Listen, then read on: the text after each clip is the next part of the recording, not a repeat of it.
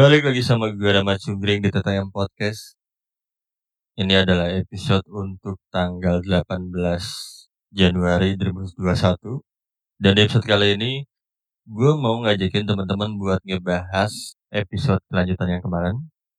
Tentang pola pengasuhan masa lalu dan juga sifat bawaan. Nah, otomatis berarti ada Cici Elga lagi di sini. Halo. Halo Cici. Jumpa Iya. lagi Rama.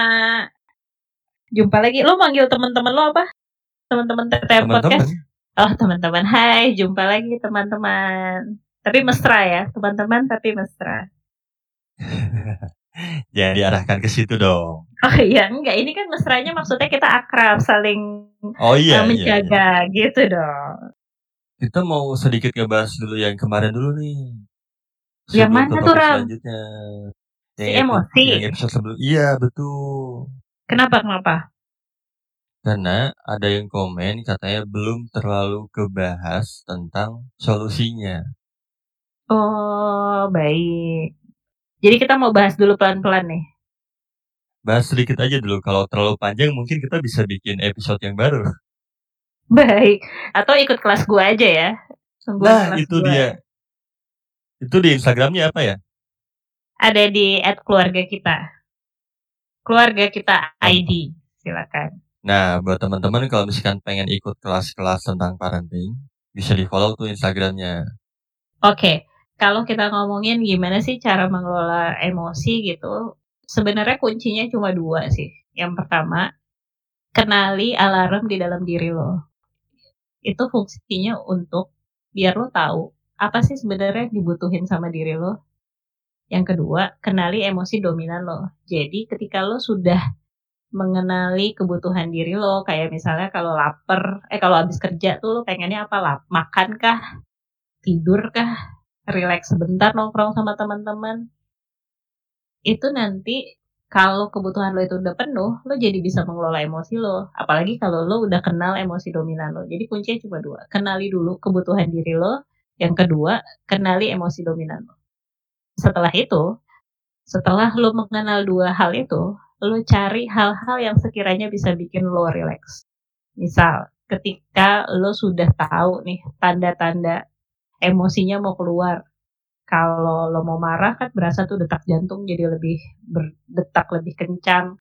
Aliran darah berasa lebih kencang. Kalau lo khawatir tuh lo berasa kayak, aduh kayak gue udah mulai overthinking nih. Aduh gue kayak udah mulai... Nah, cari hal-hal yang sekiranya bisa bikin lo relax.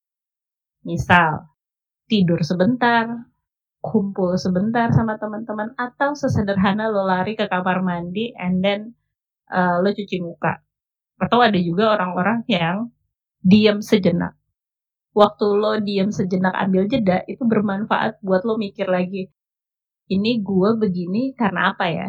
Nah itu yang akhirnya bisa lama-lama jadi uh, bikin emosi lo jauh lebih bisa kekontrol dan lo bisa bereaksi dengan tepat. Wah, menarik, menarik, menarik. Mungkin salah satu caranya bisa dengan eh, bermanja-manjaan sama pasangan ya.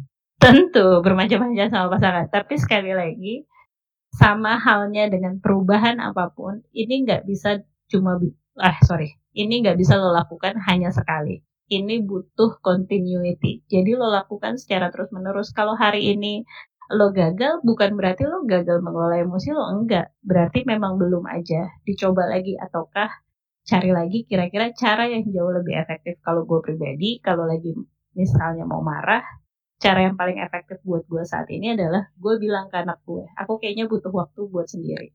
Begitupun ke pasangan, aku kayak butuh waktu untuk sendiri. Begitu gue punya waktu buat sendiri, lima menit aja di kamar mandi atau ke dapur terus minum minuman kesukaan gue gitu ya, atau gue main game kesukaan gue, nah itu udah udah udah lebih ke kontrol, bisa mikir lebih tenang, baru ketemu orang lagi.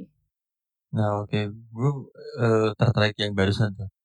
Kalau kita komunikasi sama pasangan, ini berarti pasangannya juga harus mengerti. Iya dong.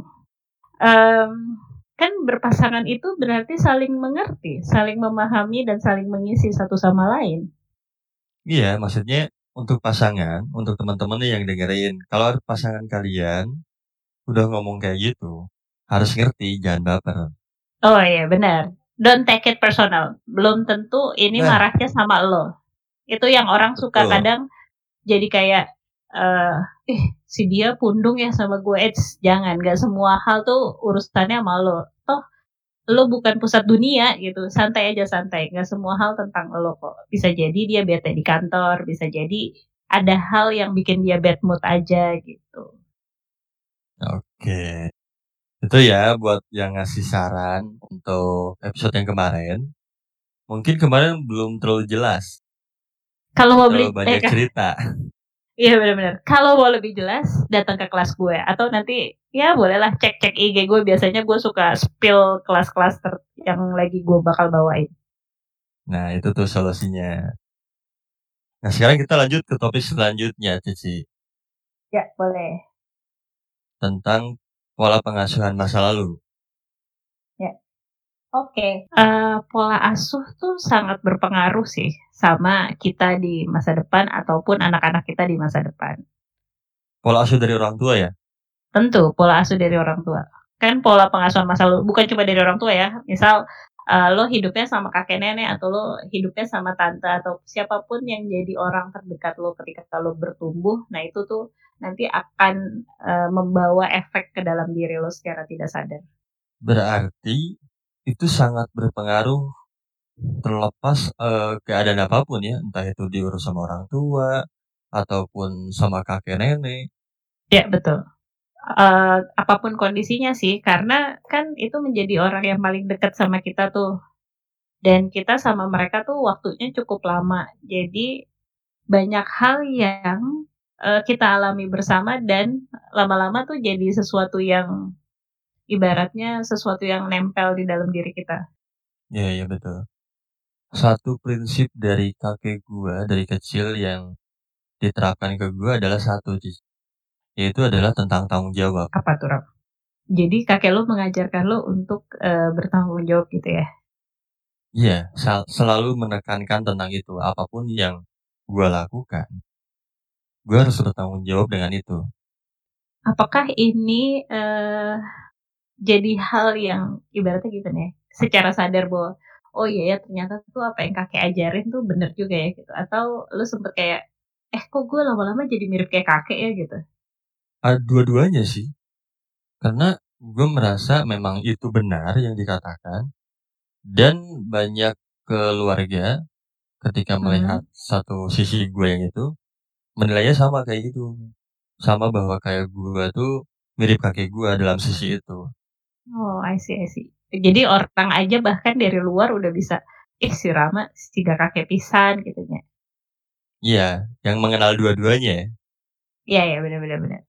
Tapi tuh Gitu. kalau ini kan yang baik ya, yang menarik adalah bahkan yang buruk pun tuh akan berpengaruh. Contoh ya, gue sering banget, bahkan gue pribadi, gue tuh dulu suka bilang bahwa gue nggak akan begini ke anak gue gitu. Iya, iya. Kayak misalnya eh nyubit kayak gue, gue pernah cerita gue pernah nyubit anak gue. Gue ngeliat kakak gue Iya, nyubit yang kan. dibahas di episode sebelumnya juga kan. Ah, gue bilang itu, tapi itu lagi-lagi keulang secara tidak sadar. Nah, yang bahaya adalah ini nih akan jadi lingkaran negatif yang berulang bukan cuma di lo, tapi nanti di anak lo dan cucu lo. Jadi kalau mau di apa ya diputuskan pola asuh seperti itu harus dari kitanya. Iya, kalau lo mau menghentikannya yang pertama sadari dulu bahwa oh iya ya, bener nih. Gue udah eh, nge-copy apa yang dilakukan sama orang tua kita. Masalahnya banyak orang yang nggak sadar bahwa ini sumbernya dari mana. Oke, iya iya. Jadi tuh banyak orang yang denial gitu bahwa tetap merasa bahwa ah orang tua gue nggak bener nih gue mau lebih bener gitu misalnya tapi secara nggak sadar dia ngelakuin hal yang sama gitu. Cuma dia kayak enggak gue beda gitu. Tapi kit- nah kalau yang kayak gitu justru itu akan susah memutus eh, si tali li- eh, si spiral negatif yang tadi gue bilang si lingkaran negatif tadi. Tapi kalau kita benar-benar berdamai gitu kita sadar bahwa oh iya nih. Oh karena dulu gue pernah ngalamin dipukul gue secara nggak sadar kalau emosi malah jadi pengen mukul loh gitu.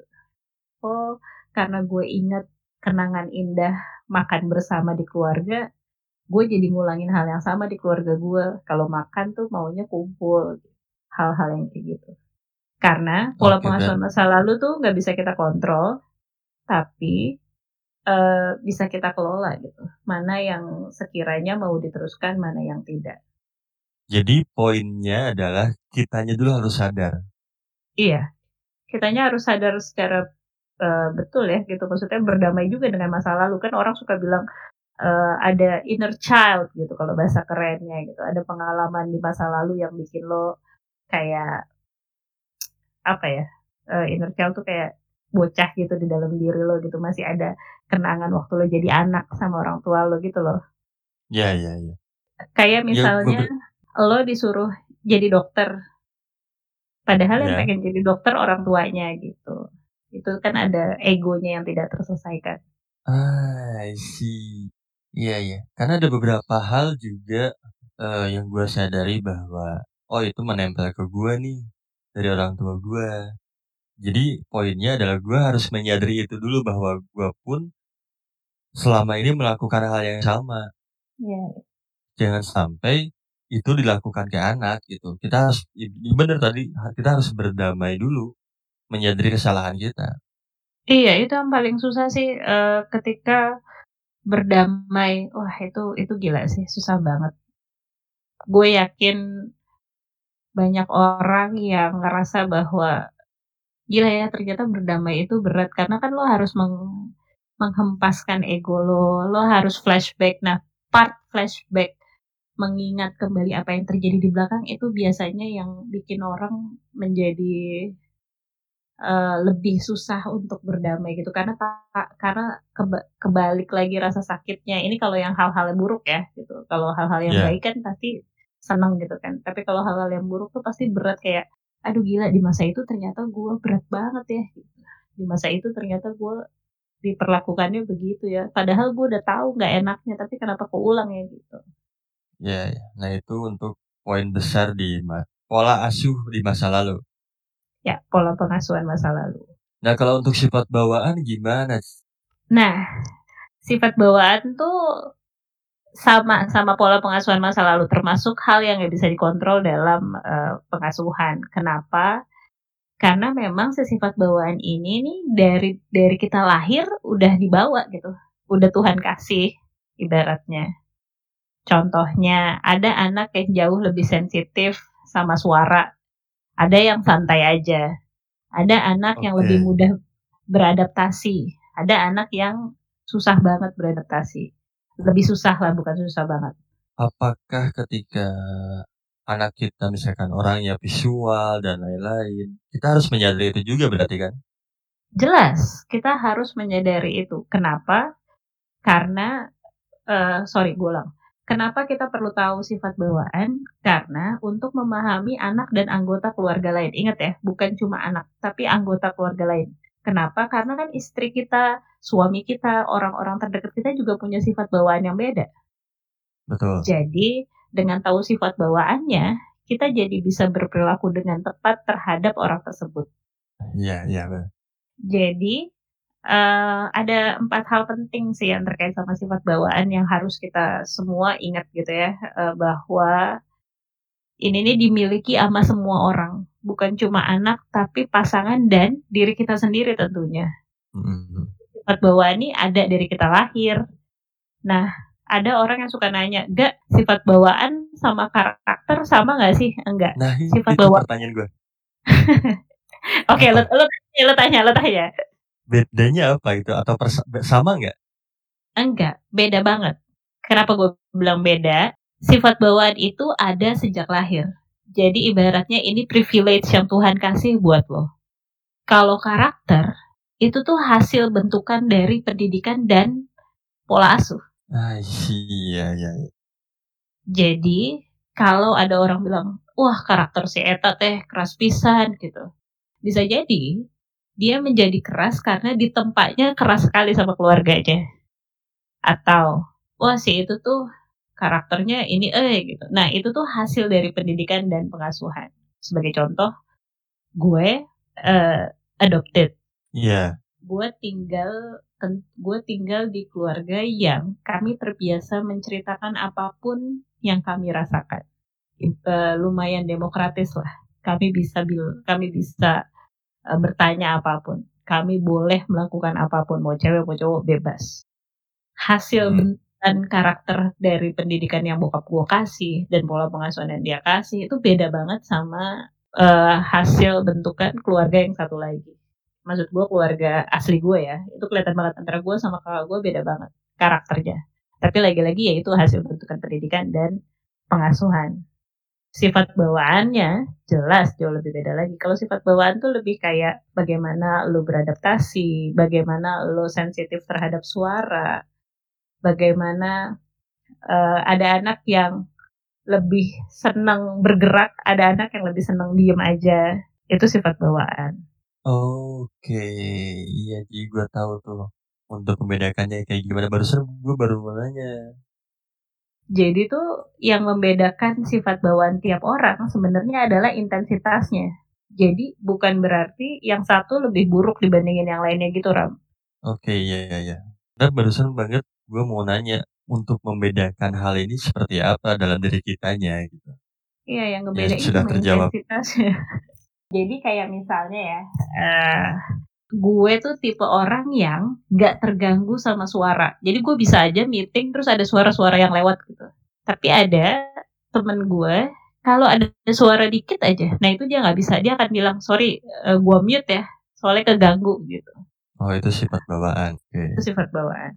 Uh, gue justru menarik sama orang tuh sering banget ya bilang, ah itu mah bawaan oroknya. Cielah gue kalau ada orang yang ngomong kayak gitu ya benar. Dari lahir ya kita udah dibawa. Karena lagi-lagi nih ya buat semuanya sifat bawaan tuh nggak bisa lo ubah atau lo ilangin.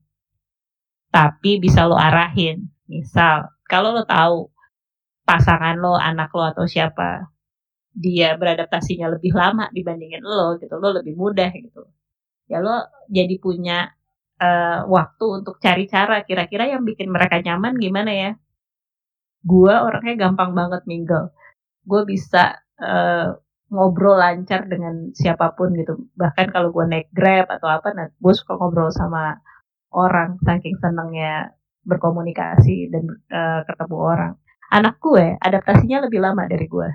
Ah, uh, iya iya. Dia butuh tahu dulu, butuh secure dulu yang gue ajak ngobrol siapa karena gue tahu dia begitu biasanya gue udah uh, bikin ibaratnya bikin gerakan antisipasinya gitu ya. Gue udah gue biasanya kalau mau ketemu orang baru gue udah cerita nanti ini kita akan ketemu sama uh, kakak ini kakak ini gitu. Dia tuh ini ini ini nanti kamu mungkin akan main gini gini gitu. Gue udah ceritain dulu. Jadi pas yeah, yeah. dia udah kayak Umi ini ya yang Umi bilang. Iya fungsinya itu sih dengan lo mengenali sifat bawaan lo jadi tahu bereaksi bisa bereaksi dengan tepat buat lo semua yang anaknya lebih dari dua tiga gitu ya lo jadi tidak menyamaratakan perilaku lo gitu kan adil itu bukan berarti lo menyamaratakan perilaku lo tapi adil itu adalah berperilaku sesuai kebutuhan si anak tersebut Iya, iya. Gue menyadari sesuatu sih tentang adaptasi. Apalagi hmm. ketika lo bisa ngobrol sama banyak orang ya. Mhm Gue tuh tipikal yang bisa berteman dengan siapa aja. Nah, itu tuh nggak semua orang punya, uh, kemampuan kayak gitu tuh Ram, pasti ada orang yang sulit gitu untuk nggak usah jauh-jauh, uh, di teman-teman podcast kita gue inget banget di salah satu, uh, kopdar Jabodetabek gitu ya, yeah. muncul satu nama terus dia bilang, "Aku tuh kalau ngobrol sama orang 10 menit aja tangan aku bisa keringetan." Jadi melalui podcast ini cara aku belajar ngomong. Nah itu tuh berarti dia udah tahu bahwa oh gue tipenya kayak gini, and then gue cari cara biar uh, ini nih nggak terlalu bikin gue jadi ibaratnya uh, jadi apa ya? Jadi tidak maksimal sebagai persona diri lo gitu, sebagai individu. Jadi dia cari cara buat mengatasinya. Iya, yeah, iya. Yeah. Gue pun ketika ketemu sama orang yang pas banget, sama tukang beca lah gitu ya. Tapi bisa nyambung tuh bisa lama ngobrolnya. Walaupun baru hari yeah. itu ketemu. Iya, itu lo seneng kan ya kalau lo lo begitu tuh karena lo ngerasanya ya asik aja nggak ada nggak ada khawatir nggak ada apa emang seneng ngobrol aja gitu kan emang seneng aja gitu iya oh, iya okay. jadi bawaan Ram. Atau misalnya kayak uh, lo pernah ketemu nggak ada orang yang nggak nyaman di tempat rame? Ya, ya. Nah, itu juga sifat bawaan. Jadi bukan karena bukan karena dia kampungan atau apa kan ada orang yang kayak ah lo baru diajak ke gini aja bisa jadi dia memang punya sensitif sama suara sehingga kalau dibawa ke tempat ramai yang banyak suara dia merasa terganggu. Iya yeah, iya yeah, iya. Yeah. Kan ada oh. ya kalau kalau di mall tuh lo suka lihat anak kecil ada yang suka nangis gitu ya. Ya bisa jadi itu bukan karena dia rewel tapi emang sen lebih sensitif aja. Iya, tidak nyaman ya. Mm -mm, dia nggak nyaman. Itu sih yang gue tuh ngerasanya ya karena kenal sifat bawaan uh, bukan cuma di anak gitu ya di pasangan bahkan di orang lain gue jadi tahu cara menempatkan diri gue gitu ram oh iya iya, iya. tadi ngebahas bayi gue jadi jadi apa ya pengingat ke gue tuh gimana gue harus merhatiin ketika dia nangis tuh situasinya sedang apa iya bener banget nih gue mau sedikit kayaknya gue bakal mendobrak mitos ya. Kan ada mitos katanya. Ini sorry kalau yang masih percaya ya. Gue cuma mau bilang. Kalau anak bayi lo nangis, terus lo biarin dengan alasan biar dia latihan jantungnya sehat, ya udah, udah bukan saatnya lagi lo berpikir seperti itu. Gitu. Iya, ya, harus menyadari uh, nangisnya karena apa ya? Iya, ketika anak lo nangis, hal pertama yang harus lo lakukan adalah segera mendekatinya dan cek ada apa. Karena itu tuh bayi itu butuh sekali attachment sama orang yang uh, dia percaya. Lo menumbuhkan kepercayaan anak lo ya dari situ justru awal titik mulanya oke okay, iya. Jadi dia bisa tahu oh kalau kalau gue nangis dia akan selalu ada ya gitu. Apa pun kebutuhan gue kan bayi nggak bisa ngomong kecuali kalau dia udah bisa berkomunikasi ya iya kecuali kalau dia udah balita gitu ya. Kalau bayi kan nggak bisa gitu dan ya masih banyak tuh orang-orang yang kayak percaya sama wah jangan kebanyakan digendong nanti bau tangan. Ya, justru dengan lo menggendong dia merasa secure, dengan dia merasa aman dan percaya itu jadi modalnya untuk nanti besarnya. Ya, menarik benar. Tadi juga gue sempat tertarik terhadap ini sih, kaniskan suara ya. Mm -hmm secara pribadi gue tuh tidak terganggu dengan suara.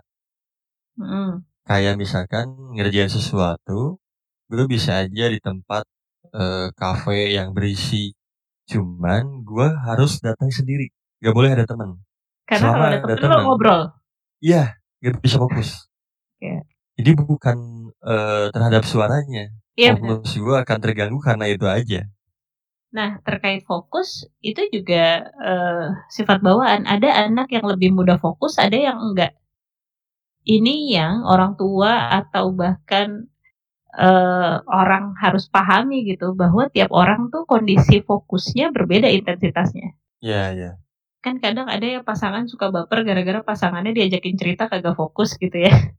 Betul. Tahu-tahu tahu-tahu ngambek aja, kamu kamu gak dengerin aku ya? Gitu. Padahal yang satu eh lain gak dengerin. Terlalu banyak prolognya gitu. Iya yeah, iya. Yeah. jadi mesti dicek apakah pasangannya mudah fokus atau enggak. Kalau orang yang mudah fokus lo mau cerita sepanjang apa pun pasti dengerin. Kalau yang enggak ya gampang ke distract gitu. Misalnya tiba-tiba ada anak kecil lewat-lewat ya udah lo malah jadi ngeliatin anaknya atau kayak lo bilang tadi gitu kalau ada temen gue nggak bisa nih karena gue bawaannya pengen ngobrol gitu. Berarti termasuk ini nggak mitos kalau ibu-ibu itu bisa ngerjain banyak hal? Nah, sama. Mitos itu juga. Suka ada yang bilang ya perempuan itu multitasking. Enggak semua. Betul. Enggak semua. Kan setiap orang beda-beda, gak sama. Iya, iya, iya. Ya. Menarik, menarik, menarik. Gue baru ngasih itu tuh. Jadi tuh buat kalian para orang tua baru kayak Rama, gue cuma bisa bilang mari kenali dan pahami sifat bawaan anaknya dari lahir. Jadi kita bisa berespon dengan tepat dan kita bisa ngebantu mereka buat mengelola dirinya. Iya, yeah, iya, yeah, iya. Yeah. Pembelajaran banget nih. Para buat ya. teman-teman ya. gue ingetin, iya. Ini gue promosi dari gue nih. Buat teman-teman nih, sering-sering pantauin Instagramnya si Ciega. Cek keluarga kita ya, atau kelas kelas di Instagram gue tuh gue biasanya nge-spill kelas yang dilakukan sama uh, kantor gue di keluarga kita. Iya berarti hari ini kita udah bahas tentang pola pengasuhan masa lalu dan sifat bawaan. Kalau misalkan kurang lengkap di Instagramnya itu aja CCG yang baru saya sebutin. Iya benar. Itu tuh banyak banget sih, banyak hal yang uh, ibaratnya bisa kita pelajari karena jadi orang tua tuh kan nggak ada manual booknya kayak yang di episode sebelumnya gue bilang. Belajarnya ya sepanjang hayat loh. Dan justru nih ya kalau orang tanya kapan sih sebenarnya kita belajar jadi orang tua? Kita belajar jadi orang tua tuh bukan pas jadi orang tua aja sebenarnya. Kita belajar Sejak dini. dari kita jadi anak-anak iya. Ketika kita jadi anak-anak tuh kita lagi belajar dan merasakan bahwa oh ternyata tuh kalau diperlakukan kayak gini nggak enak ya terus cara yang benar tuh gimana ya gitu Oke oke. Nah ini berhubung kemarin juga ada yang komen tentang episode kemarin. Ya. Terlalu panjang karena sih. Baik. Ini udah aja ya, diudahin ya. Iya. Yeah. gue udah ngasih. Untuk, boleh boleh boleh. Untuk episode kali ini kita sudahkan dulu. Kalau pengen berlanjut, balik lagi ke Instagramnya keluarga kita ya. Ya, keluarga kita ID. Nah, itu banyak kelas gratis juga ya. Banyak orang-orang yang mencari gratisan. Karena relawan kami ada di 101 kabupaten se-Indonesia dan ada 1101 relawan. Wow, banyak juga ya. Mm -mm. Semuanya dari latar belakang yang berbeda, semuanya bukan cuma ibu-ibu doang, ada bapak-bapak. Kalau mau jadi relawan, kayak gimana caranya? Bisa nggak? kalau mau jadi relawan bisa banget. Setiap tahun kita akan buka pendaftaran untuk jadi relawan. Nanti relawan-relawannya tuh akan dikasih kelas khusus biar bisa nyebarin di wilayah-wilayahnya. Wow, info menarik nih. Iya, jadi uh, kita tuh uh, memberdayakan para orang tua karena kita percaya pengalaman belajar terbaik adalah belajar dari pengalaman orang lain. Dan dengan adanya si relawan-relawan ini, kita pengen kasih tahu ke para orang tua, lu tuh gak sendiri. Ini ada komunitas yang merasakan hal yang sama, yang berjuang bersama, melewati fase menjadi orang tua ini. Dan bisa saling mengingatkan. Karena kan kalau lo datang sekali seminar, abis itu lupa. Nah, kalau kelas-kelas yang dibawakan sama relawan itu tuh biasanya berkesinambungan. Kita ada berbagai macam materi yang bisa diulang secara terus-menerus dan ada ada uh, grup-grup yang bisa lo nanya kapan aja dan bisa saling tukar cerita. Oke. Wah tertarik tuh kayaknya kalau udah dimulai lagi pendaftarannya. Siap. Tahun ini nanti gua kabarin ya kalau udah mulai. Akan ada bapak-bapak mungkin Anda akan bertemu dengan suami saya. suami tadi nggak percaya, Ram. Gak percaya kenapa? Ya, kan bapak-bapak belajar parenting tuh menurut dia gitu ya itu tuh hal yang kayak ya kayak seminar biasa gimana sih orang tuh kalau udah udah biasa ikut seminar kayak ya udah nanti juga lupa gitu nggak percaya bahwa ini komunitas yang akhirnya bisa saling mengingatkan secara terus menerus bergerak bareng-bareng. Nah, kalau gue mah berbalik dari itu ya. Iya, kalau lu Sangat justru tertarik gue. Luar biasa. Nantikan ya, buat teman-teman semua, terima kasih udah ngedengerin kami. Nah itu buat teman-teman, thank you udah dengerin sampai akhir. Buat teman-teman yang mau cerita, boleh kirim email ke ttmpodcast.story@gmail.com. Kalau mau ke Instagram juga boleh. Oh iya, Cicega, thank you ya. Sama-sama Rama, terima kasih. Terakhir dari gue seperti biasa, bahagia sendiri buat apa? Rasa sendiri itu kan gak nyaman. Gue Rama Cungkring dan Cicega pamit undur diri.